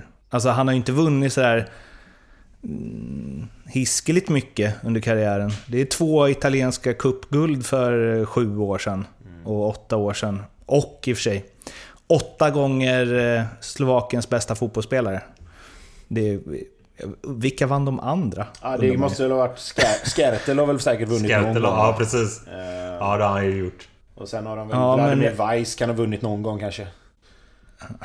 Goda namn. Ja. Eh, nej men alltså nej, jag, jag håller med dig. Jag håller med dig. Det är nog inte omöjligt. Det beror på lite. Alltså, det beror på framförallt hur det, hur det går för honom de här matcherna som är innan EM. Och sen även hur det går i EM. Skulle han göra ett jättebra EM så är det klart att det kommer stå klubbar på rad och vilja ha en sån spelare. Mm. Uh, och då kanske Blåvitt säger liksom ja men spela färdigt till 30 augusti så släpper vi det gratis. Eller en miljon euro för Marek Hamsik liksom. Ja men fan det kan väl klubbar betala för att få in honom innan försäsongen börjar. Uh, Så det kan ju bli win-win där också såklart. Men jag, jag, säger så här som jag sa. Eh, man försöker njuta av det här nu fram tills, fram tills han ska ut på plan och, och träna och spela. Eh, sen hur det blir framöver, det, det får vi se liksom. Det vi vet är att han kommer bidra med, med rutin och han kommer bidra med kvalitet om han om han bara har huvudet på rätt ställe. Vilket det verkar som att han ändå har. Så att vi, vi, får, vi får se. Du är ju rätt person att fråga om det här Tobbe. Men hur mycket tappar man på ett år i Kina? Um, nej, jag tror att det beror också lite på vad du, har för, vad du har för mentalitet. Jag menar mitt första år i Kina gjorde jag 19 mål och 10 assist. Så att det var inte jättemycket om jag ska vara helt ärlig. Sen är det klart att det beror väl på lite hur man, hur man tar sig an uppgiften. Det finns ju många spelare som åker till Kina och tar ut sina pengar och sen skiter i allt liksom. Jag menar du har ju spelare som Carlos Tevez och och andra som har åkt dit och bara verkligen skitit i det. Sen har du ju spelare som har åkt dit och verkligen lyft ligan. Eh, kan ju ta en sån som Hulk och, och Oscar som kom till mitt gamla lag där i Shanghai. Som var, har varit där i flera år och verkligen varit bland de bästa spelarna och behållit sina landslagsplatser liksom. Eh, så det är klart att det finns, det finns både och. Men, men jag tror att det är, det är upp till en själv. Eh, tror att kvaliteten på, på tränarna framförallt har ju blivit högre eftersom många tar in utländska tränare. Eh, vilket gör att du kan liksom inte springa och, och, och halvjogga längre i den ligan. Det tror jag inte. Sen, eh, jag twittrade ju igår eh, att eh, om inte Blåvitt kommer topp tre så är det tidernas fiasko i Allsvenskan. Eh, och eh, du skulle förklara varför det inte är det, Tobbe. Och du kan få börja med det. Jag har redan liksom, min lista med argument mot vad du än kommer säga. ja, jag förstår det. Nej, men jag, jag, tycker så här att man ska komma ihåg, man ska komma ihåg det här nu. Liksom, att det, nu är det en spelare. Visst, de har fått in Simon Tern. Eh, de har fått in Gustav Norlin. Eh, men, men vad jag fattade som så är det ju... Du, du grundar ju ditt du grundar ju ditt eh, påstående på att att Marek Hamsik, eh, Oskar Wendt och Marcus Berg kommer att spela också. Vi vet ju fortfarande inte om de spelat alla tre samtidigt. Eh, och jag ska säga så här att för att bli topp tre i Allsvenskan så ska de ta sig förbi då Malmö, Hammarby, till viss del kanske Djurgården då har sett imponerande ut. Och att göra det bara sådär på... Liksom från att ha kommit tolva liksom. Det tycker inte jag man ska... Man kan inte kräva det. Det kan mycket väl bli så att Blåvitt får ihop det jättebra och det kan mycket väl bli så att de här spelarna som kommer hem bidrar med så pass mycket både på och utanför plan att du kommer se en utveckling i, i många av de andra spelarna. Men, men att säga att det är ett totalt fiasko att de skulle... Alltså om de inte kommer topp tre, det köper jag inte överhuvudtaget. Uh, för att du, du, du liksom inte... De, de ska ju ta liksom en, vad är det, nästan 25-30 poäng mer än vad de gjorde i fjol för att bli topp 3. Och det löser du inte bara för att du får in liksom 3-4 bra spelare. Det, det, det, tycker inte jag att man ska kunna kräva. Men, ja. så här. För jag har verkligen... Eh, alltså, det har varit svårt att ducka Blåvitt Twitter de senaste dagarna. Och det är ju i, dels euforin över Hamsik, men det finns också någon så här, det tar ett tag att spela ihop ett lag, inte för höga förväntningar, bla bla. Och jag ser alla som skriver så, då tänker jag bara, ni är så jävla rädda för att det här inte ska slå väl ut, tänker jag, om de som skriver så. Att så här, för att jag är med dig Tobbe, det är inte lätt att bara rusa upp liksom eh, åtta placeringar. Men det spelar ingen roll. För om du värvar in Marek Hamsik som är liksom den största värvningen som någonsin gjorts till Allsvenskan. Om du får in Marcus Berg som är gjuten i ett svensk eh, startelva, eller ja, nu får vi väl se med Zlatan Ibrahimovic. Eh, Oskar Wendt som absolut är landslagsklass. De har tagit in Pontus Wernblom som också, absolut också kan vara det, eller har varit det i närtid. Jakob Johansson. Alltså, det är klart, alltså man kan liksom inte göra en sån satsning och absolut, det tar tid att spela ihop ett lag. Det är mycket som ska stämma. Bla, bla, bla, bla, bla. Det finns andra bra lag i Allsvenskan. Men det spelar ingen roll. Kommer de inte topp tre med den satsningen och den spelarna så skulle jag säga att det är ett stort, stort misslyckande. Och nu, det vi alla väntat på. Bobby, är du i Bergmans eller Hyséns ringhörna? Ja, men så här, jag, jag tänker ur en, en fotbollsspelares eh, brain här nu. Jag, först, alltså jag är helt med på det som eh, Tobbe eh, liksom så här nämner nu. Det ska krävas jävligt mycket och liksom ta de här extra 20-25 poängen kontra 2020. Mm. Eh, det hade varit en grej om de kom in alla nu. Mm. De hade en försäsong, en svensk försäsong i benen Var med i kuppen och sen ut och lira Allsvenskan 30 matcher. Absolut. Jag, jag, kan också ställa mig in i den där att Fan, topp 3. Fiasko annars. Men nu är det, det är så mycket annat nu. Mm. Det kommer en spelare här nu som ska spela sig in i en form till EM. Ingen riktigt vet var han står. Klassnamn. Det är en professionell spelare utav rang, så han kommer ju komma in och bara sätta sin prägel. 100%. Eh, Wernbloom... Eh, Johansson, ja. De var lite halvtafatta förra året. Hinner de liksom komma upp i en bra form nu under den här försäsongen? Återstår att se. Mm. När eh, Wendt och eh, Berg kommer sen, om de kommer. Det är två kvalitetsspelare som Göteborg kommer få en stor nytta av. Men det är inte 2021. Det är 2022 och framåt. Mm. Men jag skulle, det är min take på det. Ja, men jag, jag skulle säga så här också att det, det är så här att jag kan, jag kan sträcka mig till att säga att Blåvitt, med, med, med, alla de spelarna på plan samtidigt som vi nämner och, och ett liksom fungerande någonstans eh, en, en skadeproblematik som gör att alla spelarna är friska och hela den biten. Så absolut att Blåvitt ska vara med och slåss och hävda sig på ett helt annat sätt än vad de har gjort de senaste åren. Det är inget snack om saken. De har värvat spelare som ska vara bland de bästa på sina positioner i Allsvenskan. Och har du kanske då en av Allsvenskans bästa vänsterbackar, en av Allsvenskans bästa forwards, en av Allsvenskans bästa innermittfältare. Det tror fan att du ska vara med och slåss i toppen. Men att säga att det är tidernas fiasko om de inte blir topp 3. Det tycker inte jag. Jag tycker inte man kan säga så om ett lag som inte har varit topp 3 de senaste sex åren liksom. För att det är som vi har sagt att du ska få ihop allt det här också. De här spelarna ska skapa relationer med varandra. De ska hitta ett sätt att spela framförallt som, som gör att du får ut alla spelarnas olika styrkor. Du ska ha lite flyt på vägen med att de här spelarna som ska vara bra faktiskt är så bra som man tycker att de ska vara. Eh, det, det, kommer bli en helt annan kravbild. Eh, jag skulle säga att de ska absolut vara topp 5. Det, det, tycker jag att, de, att man ska kunna kräva.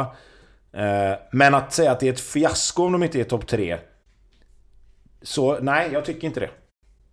Nej men det, det är lite det här jag menar med så här, eh, rädslan när ett lag satsar för högt och man liksom inte vill se. För att så här, allt du säger nu, det gäller ju alla lag. Jo, men, jo, jo, jo. det ska funka ihop och Malmö, Antonio och eh, han serben ska också få ihop det. Och liksom, det ska, alltså, så är det ju för alla och utifrån det så tycker jag att eh, Blåvitt definitivt har topp tre förutsättningar i serien. Jo, nej men alltså jag håller, med dig om att, jag håller med dig om att det är samma med, med de här två som Malmö har tagit in. Men Malmö kom ju från en säsong där de vann serien med, vad det nu var, 7-8 poäng. Det är ja, klart att om de får... åkt ut kuppen. Jo, jo, jo absolut. Men, men vi kan väl säga liksom att... Hade Blåvitt kommit sjua förra året och tagit in de här spelarna, då hade jag hållit med dig till 100%. Alltså då hade jag sagt okej, okay, fine.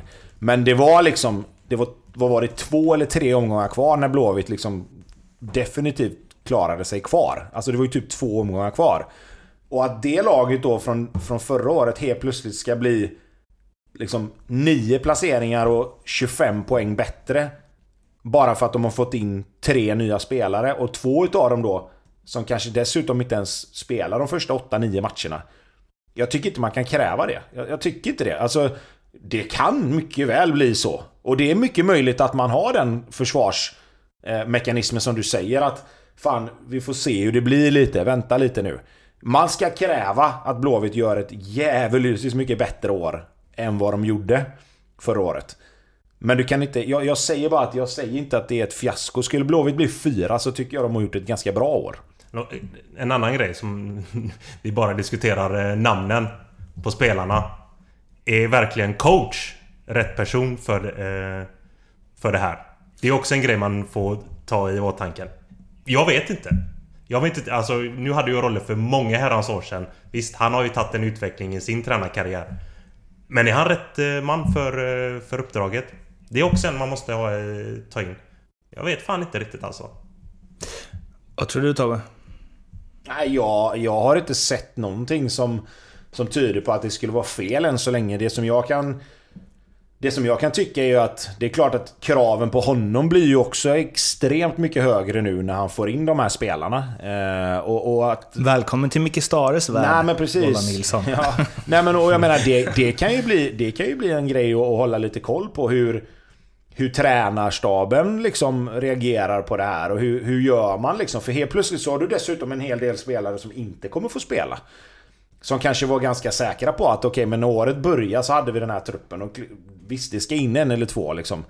Men jag menar, nu ska Marek Hamsik in i ett, på ett mittfält som redan nu består av Pontus Wernbloom, Alassan Yusuf och Simon Tern liksom. Du ska in Marcus Berg då på, i, i en forwardsuppsättning som nu senast var Tobias Sana och, och Robin Söder. Jag menar, två av de fem spelarna vi precis nämnde ska sätta sig på bänken då, om de här två ska spela. Du hör ju, minst topp tre. Nej men jag säger bara att du, då får du helt plötsligt ett annat. Nu får du då får du helt plötsligt... Alltså Blåvitt har ju lite varit så här kanske att de inte riktigt haft konkurrens på alla platser. Och, och, att de som kanske inte har presterat tillräckligt bra har fått spela för det fanns liksom ingen annan att sätta in. Nu blir ju problemet tvärtom. Ska Pontus Wernbloom sitta på bänken? Ska Halassan Yusuf sitta på bänken? Har de värvat in Gustav Norlin från Varberg? Och så är plötsligt så, vart ska han spela liksom? Eh, det, det, nu tror inte jag Norlin är en sån som kanske gnäller i första hand, men, men nu förstår problematiken som ändå uppstår av att du får in väldigt många bra spelare. Eh, det, det ska bli intressant att se hur de löser den biten också. Ändå en lyxproblematik. Ja, oh ja, ja, ja, oh ja absolut. Men um... det är också en, en problematik som dyker upp i ett lag som inte kanske är vana vid att ha den. Och det där, jag säger inte att det kommer kosta poäng, men, men det kan också kosta poäng för att de spelarna som tycker att de ska spela varje match ska vara redo och verkligen kliva in när det behövs i matcher där de behövs. Liksom, och, och de matcherna är inte alltid säkert att man vinner bara för det. Uh, nu uh, blir det mycket om uh, vissa lag här. Ni får som sagt stå ut med det. Vi kommer fler avsnitt snart då vi grottar ner oss i andra lag. Men vi måste ju ändå... Det glöms ju lätt bort bland alla Hamsix och Berg och Wendt. Men det har ju värvats fler spelare till IFK Göteborg och... och det är ju inte utan att man höjer lite på ögonbrynen när Kolbeinn Sigthursson värvas från AIK. Bobby, det hade man ju inte satsat pengarna på. Nej, den såg man verkligen inte. Och alltså... De vet väl om hans historia här uppe i Stockholm eller? IFK. Det, alltså det räknar ju med att de, alltså de måste ha full koll på vad grabben gör. Speciellt utanför planen. Jag menar alltså, snackades det mycket om mig? Mm. När sociala medier inte fanns så måste det snackas extremt mycket om honom. Mm. Skadebenägen. Mm stort problem med eh, livet utanför fotbollen. Där han inte tar hand om sig själv. Mm. Till och med jag har hört det och jag, jag läser väldigt sällan om sådana där grejer. Mm. Men jag vet om det. Mm. Så att, och ingen bra sejour i, i AIK för fem öre. Alltså det fanns ingenting där. Man såg att det finns någonting i grabben. Mm. Alltså en extrem bollbegåvning. Mm. Sjukt fin fotbollsspelare. Men fick inte ut någonting i AIK. Är han den sämsta, vi var väl inne på det men det är den sämsta värvningen Eh, var det du som sa Tobbe, att eh, eh, när vi skulle liksom floppa i fjol, att han liksom i facit han har i, eller hade under sin tid i AIK är ju ex, extremt eh, underkänt. Alltså, de tog ju en chansning förstås, men med tanke på vad han har gjort i, tidigare i karriären så att det skulle vara så här dåligt. För det är ju inte bara skador, det är också att han inte, han har ju inte presterat liksom. Nej, det har han ju inte. Sen hur mycket det beror på allt det som Bobby precis nämnde, det, det är ju... Det vet ju egentligen bara han själv. Eh, mm. Jag kan ju tycka att den värvningen är väldigt, väldigt konstig med tanke på dels skadehistoriken givetvis, men det... Det kan man väl någonstans ha, ha tillit till, till sitt eh, medicinska team att det kan vi lösa liksom. Vi, vi har en plan för det och vi tror att det här kommer bli bra. Eh, det är ju det utanför planen som kanske är mer oroande att, att det har varit som det har varit. För att jag menar, den, den biten är ju jävligt svår att lösa. Eh, där måste det ju verkligen komma, komma inifrån han själv att Fan, nu har jag slösat bort eh, liksom ett och ett halvt år, två år här i, i Stockholm på, på en massa skitgrejer liksom. Eh, och nu är det fan dags att ta tag i sig själv. Eh, gör han det? Jag, jag, jag säger egentligen samma sak som jag sa inför förra året, att får de ordning på honom så tror jag att det är en jävligt bra spelare. Han har ju... Det var ju liksom... Eh, som vi sa där, han har ju någon slags X-faktor. Jag menar, det är ändå en, en före detta landslagsman som har gjort mål i, i, i, stora mästerskap för Island. Så det är klart att det finns kvalitet där. Men, men lite grann som förra, som förra omdömet, att det, det finns ju egentligen ingenting som talar för det. Nej, nej, nej, och det är väl det som... Är det en sån spelare som Blåvitt ska plocka in liksom? Alltså, de måste ju fått honom sjukt billigt. Ja, men det tror jag. Jo, det tror jag absolut. De hade inte chansat om det inte hade varit ett ekonomiskt eh, hållbart val. Jag tror ju så här att de, de kan ta en chansning med honom. Eh, om de vet att Marcus Berg dyker upp i, i juni-juli. Eh, för då behöver de en spelare som kan avlasta Robin Söder lite. du har en spelare som om det blir bra ändå är en jävligt bra fotbollsspelare. Eh, och skulle det skita sig så tror jag att det nästan helt övertygad om att det skulle finnas någon sorts deal att när det blir sommarfönster och han inte, antingen inte har spelat alls eller inte har varit tillräckligt bra eh, kan lämna, eller, eller får lämna eh, när, när Mackan förhoppningsvis kommer då. Eh, så på så sätt så är det ju lite, alltså det, det, På ett sätt kan jag ju se det som lite win-win också. Eh, för får de igång han och han liksom någonstans känner att fan det är sista chansen här nu liksom. Eh, då, då kan det ju bli hur bra som helst. Men, men jag, jag har svårt att se det. I den eh, bästa av blåvita världar och han trampar igång så är det ju ett bra eh, anfallspar han och Mackan. Och Mackan kommer tillbaka. Ja, det, det kan man absolut säga. Men som sagt, vi, eh, vi väntar väl med... Det är många och... om på den vägen. Ja, lite så, tyvärr. Men sen, jag, så, jag säger som jag alltid säger när det gäller Blå, jag hoppas ju verkligen att de får det. Och är det någon som kan få ordning på skadebiten så är det ju Fredrik Larsson. Eh, och, och, och, Kalle och alla de som är där uppe. För de, de har fått ordning på folk förr. Så att just skadebiten tror jag att de kan få ordning på. Eh, det andra... Mm, vi får väl se. Årets första Stockholmsderby. Bayern slog Naget eh, och eh, det handlade bland annat om Bayerns 18-årige supertaläng Amo. Och eh, det handlade också lite om att domarna kanske inte gjorde sitt livs insats direkt. Eh, och det var oerhört upprört. Jag kan bara tänka mig hur det hade låtit om det hade varit under en säsong med publik och så vidare. Eh, vill du ta oss igenom eh, en recap Tobbe, vad som hände? Och även väva in dina egna värderingar. Ja, det som hände med just bytet var väl att hela AIK trodde att de skulle få byta och jag har sett någon, någon sammanfattning av det där, eh, av den situationen på, på Twitter mm. och jag tycker väl att det ser ut som att de faktiskt håller på att byta men Samtidigt någonstans så verkar det inte som att varken domarna eller Eller Hammarby eh, uppfattar det så. Och någonstans är det väl ändå liksom Domaren som bestämmer och jag menar har han inte tydligt gett Alltså gett liksom tecken för byte så, så går det ju liksom inte att bara ta för givet att det är det som sker. Men det är ju en olycklig situation för det blir ju väldigt avgörande såklart. Eh, sen om man ska titta på själva målet i sig så är det ju bedrövligt försvarsspel av, av Robin Tii.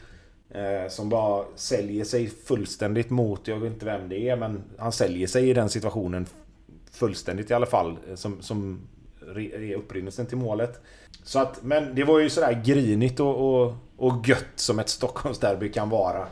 Eh, så att det, jag tror att Bortsett från resultatet så tror jag ändå båda lagen kan ta med sig en hel del från den matchen och, och liksom eh, bygga vidare på. Vad drar du för eh, slutsatser Bobby av en, en sån här match så tidigt på säsongen men ändå ett Stockholmsderby där båda vill brösta upp sig och visa vad som gäller inför... Båda hade ju chans att gå vidare också förstås. Ja, det var väl ett, en säger man? Gruppfinal. Eh, med vinster för båda så, så tar ju de ju direktplaceringen där. Nej, fasen, det var ju gött att se ändå att Svenska Cupen ändå har en sån jäkla bra status som det har. Älskar ju när det smäller och fasen vad det smällde alltså. Magyar är ju helt huvudlös i sin tackling. Ja, vad är det? Den där tacklingen måste han ju få x antal matcher för. Eh, Alakim gör ju som han har gjort nu i, i några år. Han har en dålig match. Vilket många domare... Alltså 2020 var ju katastrof för domarna. Eh, han följer ju upp det där med att visa även i år att fasen, de måste ju steppa upp domarna. Jag tycker det är... Det är för många dåliga matcher från domarsidan. Mm. Bytet, alltså så här, Jag fick en känsla av att fjärdedomaren var med på att det skulle vara ett byte. Mm. Alltså så här, och, det, alltså för mig, hela den situationen var jättemärklig. Straffen. Mm. Jättemärklig. Det bad Henok... väl han, han bad väl om ursäkt för det va, Henok va? Att, ja, och det är klart att han... Fasen... Forwards gör ju det forwards gör. Får de ett tillfälle att lägga sig, då gör de det.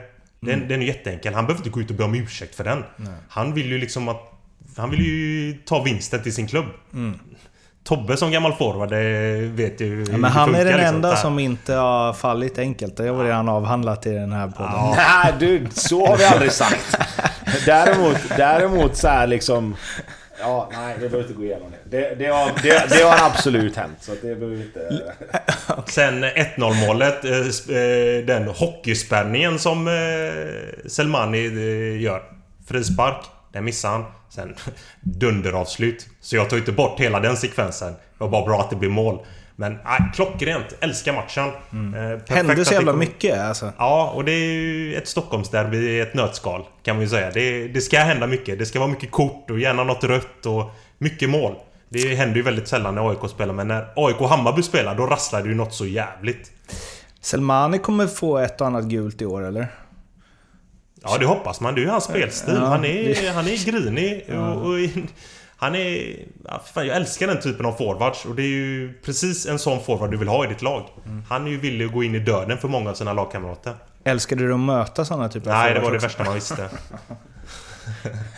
AIK då, eh, som eh, ju känns som att de har eh, gjort en BK Häcken, det vill säga smygit lite under radarn. Det har inte varit så mycket surr om liksom om spelare i Gnaget eller vad de ska... Alltså, det kändes som att allt det där blev i fjol eftersom de bytte tränare mitt under säsongen. Så liksom hela den diskussionen och utvecklingen under Bartos eh, snackade man om då. Nu har det varit rätt lugnt för att vara Gnaget. Eller? Är jag snett på det? Nej, du, du är helt rätt på det. Alltså jag så här, De går extremt mycket under radarn AIK ja, nu. Verkligen. Och det var också så här nu när deras nya matchställ kom ut. Man bara wow, ja ah, okej. Okay. Oh, snyggt matchställ men vad fan har hänt med laget? Alltså ja, vad har de gjort nu under eh, Silly? ja. ja, Henok är kvar. Ja, det är ju klart. Skriver alltid... är kvar. Ja. Skriver alltid de här ettårskontrakten och så är Henok magisk på hösten och så får han ett nytt kontrakt. Och... det, är så här, det är som de här spelarna utan kontrakt typ. Han bara, fan jag har varit lite dålig på våren här nu, jag måste få ett nytt kontrakt. Nej, nu får jag höja mig. men eh, ja, nej, men eh, så här, det, måste, det måste vara jäkligt gött för Bartosz också att få ha det här lugnet nu och inte mm. det här hypen runt klubben. Mm. Uh, nu får han ju i lugn och ro sätta laget. Jag, som sagt var, jag har hört väldigt lite om dem nu under, under vintern. Fan, vad fan har de gjort i år? Det, alltså? det måste vara första gången på uh, hur många år som helst som AIK går under radarn. Men kan inte det vara en, kan det vara en medveten strategi? Att, att man faktiskt känner att fasken förra året blev inget bra. Vi, vi kan kanske inte gå ut och, och slå oss själva på bröstet lika mycket som vi har gjort tidigare år. Eh, alltså AIK är alltid AIK. Både på gott och ont givetvis. Men jag tror att fasken, det kan vara rätt smart alltså. Jag tycker det är jävligt smart. Om det nu är en medveten strategi vill säga. Men alltså det känns nästan så. Ja, och det är alltså just för... Alltså som jag sa, för, alltså för Bartosz måste det vara en dröm nu. Lugn och ro liksom, jobba med det här laget. Det blir liksom inga påtryckningar att han ska spela en totalfotboll och en så här... Atalanta. Atalanta. Ja, men ingenting sånt. Utan vet du vad? Nu sätter du din grund om hur du vill spela. Och så får det gå som det går i år. Förhoppningsvis så kommer vi på den övre halvan. Och sen så bygger vi därifrån. Men alltså, så här. Sjukt alltså att man är... AIK för mig har det är alltid någonting. Det, det enda som har varit nu, det är ju Viktor Edvardsson från eh, Degerfors. Oh. Där det blev tjafs. Men det kändes också som att eh, AIK duckade helt. Ja, ja, ja. Det blev bara fokus på Degerfors. Och så här, när jag läste om det så här. Edvardsen till en toppklubb i Allsvenskan. Jag tänkte inte på AIK då. Alltså ursäkta alla AIK-fans där ute. Det var inte det jag tänkte på då först. Man vet ju i grund och botten om att han är ju rå IFK-are så att redan den var ju utesluten. Och sen går han ut och börjar tjafsa om att han vill dra. Ja. Tänkte jag, okej okay, men nu måste, jag en, nu måste vi ändå ta reda på vilken klubb det är. Mm. AIK. Mm. Alltså, wow! Mm. Det, det känns som en, något smart där. Att som de försökte göra. Nu blev det ju inte så, eller i alla fall inte än. Men det känns som, eller det känns som när AIK plockar en, spel, en, liksom, en spelare från ett lag som precis gått upp till Allsvenskan. Det känns... Jag kanske över, överskattar deras scoutingverksamhet, men det känns som att de har verkligen, verkligen tänkt till då. Ja, och har man sett den här grabben spela fotboll, eh, vilket jag gjorde några gånger förra året. Riktigt bra fotbollsspelare alltså. Den här snubben vet definitivt var målet är någonstans. Mm. Inne i straffområdet. Ah, sinnessjukt bra. Och snälla! Låt han få gå till AIK bara för att det ska bli lite hype i Allsvenskan. Han har ju allt ju. Och sen är han ju klockren utanför planen också. Älskar det. Frågan om eh, Patrik Werner tycker att han är klockren utanför planen. Men eh, Tobbe, vad säger du om den situationen som uppstod där? För de, det var väldigt hetskt i 12 timmar och sen så var det helt lugnt igen. Var det bara... Han liksom... Man la sig platt får man ju säga. Jo, men alltså man kan väl säga så här nu. Viktor... Eh, jag ska inte säga att jag känner honom, men i och med att han, han har florerat kring blåvita kretsar, han var med i U-laget och sådär, så vet jag ju absolut vem det är. Eh, och det finns väl en historia där som absolut går att och, och, diskutera. Men det som är med, med beteendet, om vi bara isolerar den själva händelsen, så tycker jag det är... Jag, jag, kan säga så här, jag är inte riktigt förvånad att det blir så, men jag kan tycka att det är lite tråkigt att han väljer att göra så. För jag menar, han har haft ett rätt brokigt förflutet. Eh, han fick inte komma upp i Blåvitts A-trupp. Han lämnade och har spelat på lite lägre nivå. Han har varit i Karlstad. Eh, han kom till Degerfors och någonstans lite så här, okej okay, men fan, han har ju ändå gjort rätt mycket mål som du säger Bobby. Han vet var målet finns. Gör en kanonsäsong i Degerfors och har, precis som ni säger, varit jävligt bra. Alltså nyckelspelare, skitviktig för dem. Men att sen gå ut och säga som han gör, det tycker inte jag... Jag tycker inte det är okej. Okay. Eh, framförallt inte när man har fått chansen och någonstans jag ska inte säga återuppliva sin karriär, för någonstans så det, det gör man ju själv. Alltså det, det, är ju... Det är ju du själv som ju lägger ner alla timmarna Men på plan. Men det... utan luckan att eh, liksom göra det i så är det ju svårt. Nej visst, nej så är det. Nej men så är det. Han fick ju ändå chansen av Degerfors och det är klart att Degerfors var väl inget tippat topplag när han gick dit. Men han fick ändå någonstans chansen att, att komma upp till i alla fall näst högsta nivån och jag tycker inte man... Jag tycker inte man gör så. Sen, sen tycker jag så här att oavsett vilken klubb det hade handlat om. Ehm, så tycker jag, om man nu ska då se på, på klubbchefer och sånt där. Jag tycker Patrik Werner gör ju... Han gör ju helt rätt här. Han sätter hårt mot hårt liksom. Han har kontrakt, får vi inte det vi ska ha så säljer vi han inte. Eh, och det, det är ju så det är. Och jag önskar att fler hade liksom gått ut med den självklarheten. För jag menar, när stora starka AIK kommer till om man nu då ska säga, lilla Degerforsen då, så är det ju ganska enkelt att, vika ner sig. Men han bara, nej, absolut inte.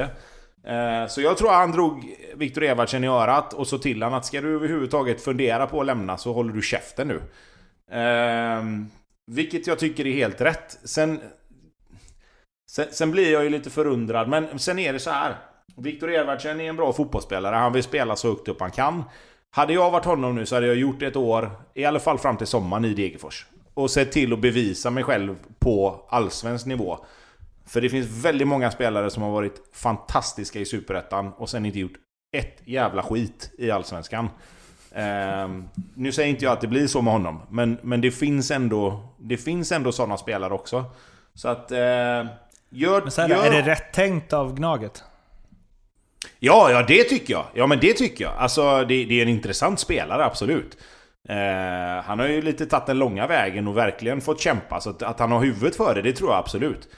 Eh, jag, jag, jag, ser ju inte varför AIK skulle hamna i någon skit för det här. Utan det är ju, det är ju Degerfors och, och Viktor som har någonstans kommit i clinch. Vilket då har dragit in AIK i det här. För det AIK har gjort är väl egentligen att någonstans lagt ett bud på en spelare som de vill ha. Eh, så de har ju ingenting med det här att göra egentligen. Nej, men jag menar mer om det är en spelare som man kan se förstärker AIK omedelbart nu. Ja, men det tycker jag. Jo, men det tycker jag mm. absolut. Den, den kvaliteten finns där. Det, det, det ska jag absolut säga. Eh, mm. sen, är det ju, sen är det ju liksom... Man vet ju aldrig. Det var som jag sa, det finns ju många spelare som har varit helt fantastiska i Superettan. Som aldrig har lyckats i Allsvenskan sen. Eh, mm. Men, men det, det återstår ju att se. Ja, det blev mycket den här, det blev mycket Malmö, det blev väldigt mycket IFK Göteborg, det blev mycket IFK Norrköping, blev även en del AIK. Eh, fyra storklubbar och jag vet att ni är många där ute som känner att fan, ljugarbänken är the place to go, för de pratar om Mjällby. Och vi kommer prata om Mjällby också inom, inom tid, men det var ju som sagt ett tag sedan vi spelade in. Så ehm, Eh, ni får hållas helt enkelt. Men innan vi rundar av så vill jag bara ha lite experttips. Eh, det är ju fyra kvartsfinaler brukar vara, just fyra när det gäller kvartsfinaler. Eh, I Svenska Kuppen till helgen. Vi har Degerfors, Västerås, Djurgården, Östersund, Norrköping, Häcken, Hammarby, Trelleborg.